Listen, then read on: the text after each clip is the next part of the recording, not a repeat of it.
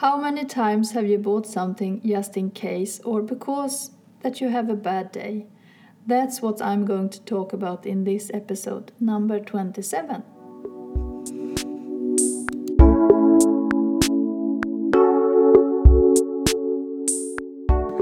Welcome to Design a Simple Life and me, Ylva Jansson. I'm a Swedish feng shui organizer and simplify coach, and mother of three wonderful girls. I'm here to inspire you into a simple home and lifestyle. I've made a long journey, decluttered my home and life, and I know the benefits of having a clutter free life and a simple living. I'm here to show you how to get there too. Don't forget to put the subscribe button if you like what I share, and it would also mean the world for me if you leave a review in iTunes. You will find more information about my business at my website ylvamariadesign.se, about my courses and what's going on. I also would like to invite you to my Facebook group, Simplicity Inspirational Group, where I share daily inspiration about living a simplistic life. You will find the link here to the group in the description. I go live there once a week and then you can ask me questions if you have any so come on over and say hello. I would love to see you there. If you want to send me a private message, just send me an email to info at ylvamariadesign.se. Years ago, I had a long depression. I was in depression a couple of years, and I'm glad that I managed to get out of it. If you are depressed, you know what I mean. When we have bad days, it's so easy to do things we don't really should have done. For example, buy something just for lifting you up. I think you can relate to that and have also made it many times. I have done it many times, and every time when I went home, I wondered why I did the purchase. because I didn't need it.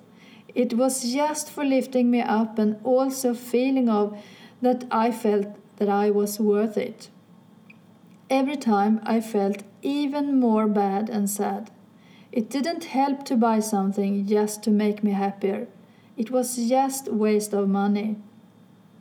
And that kind of shopping isn't so healthy. And if you continue shopping like that, your home will be full of unnecessary stuff you don't need, and your wallet will be empty for nothing.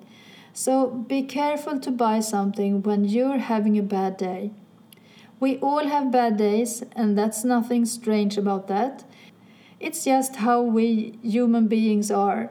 Ups and downs are just normal. So, how to do then and how to use intentional shopping?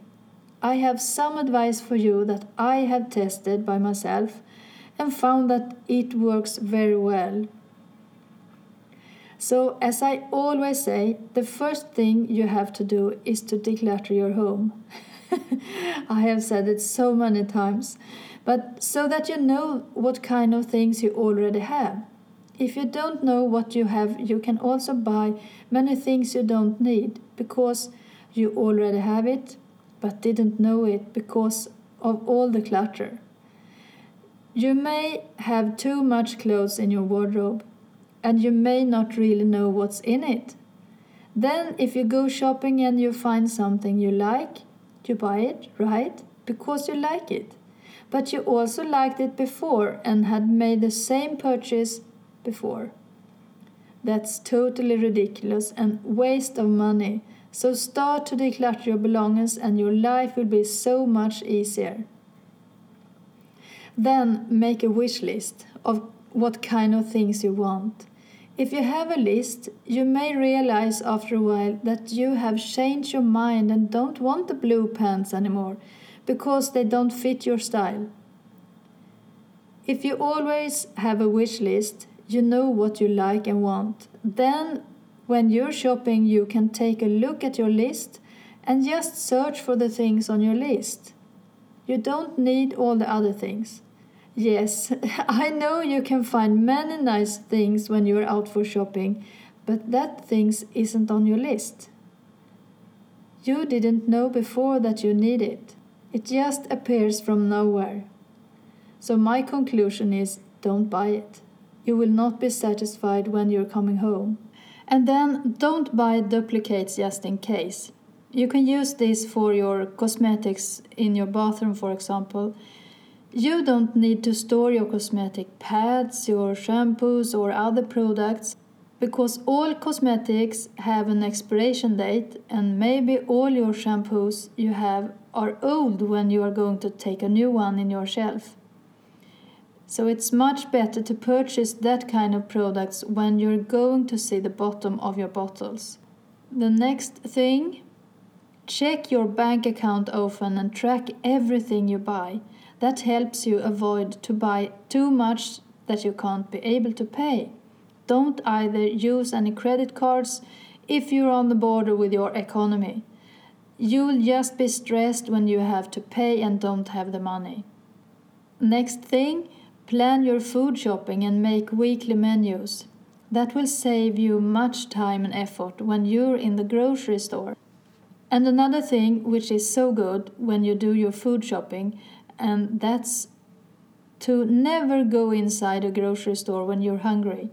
Then it's so easy to fall into temptation for junk food. So make weekly menus, plan your shopping carefully, and don't be hungry when you're shopping. I think that will save you much money and it's also good for your health to not buy any junk food. If you love clothes, you may have many clothes in your wardrobe. My advice though is that you are going to start to declutter your wardrobe and then start to build it up again.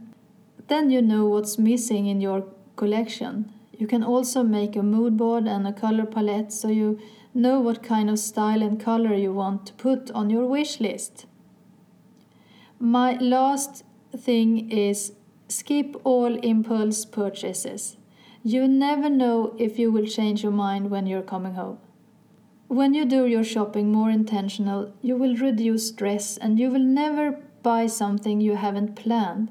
That's good for your wallet, your health, and your home because your home should be a place where you can get harmony, joy, and energy. If you have too much things in your home, you lost energy and then you may will be depressed. It's so true that a clutter have much impact of your health. You don't know what you have, you can't find your belongings and you feel overwhelmed and I want you to feel good. I have very great free guides at my website www.ylvamariadesign.se about how to organize your home, and that's a very great thing for you to start with. So go and check it out and just sign up, and you will get your guide immediately. I hope that you found some inspiration here to be more intentional about your shopping, and this is it for now. Don't forget to hit the subscribe button for my podcast, and you will make me smile if you also leave a review in iTunes. Have a lovely day. Take care, stay simple and happy. See you soon.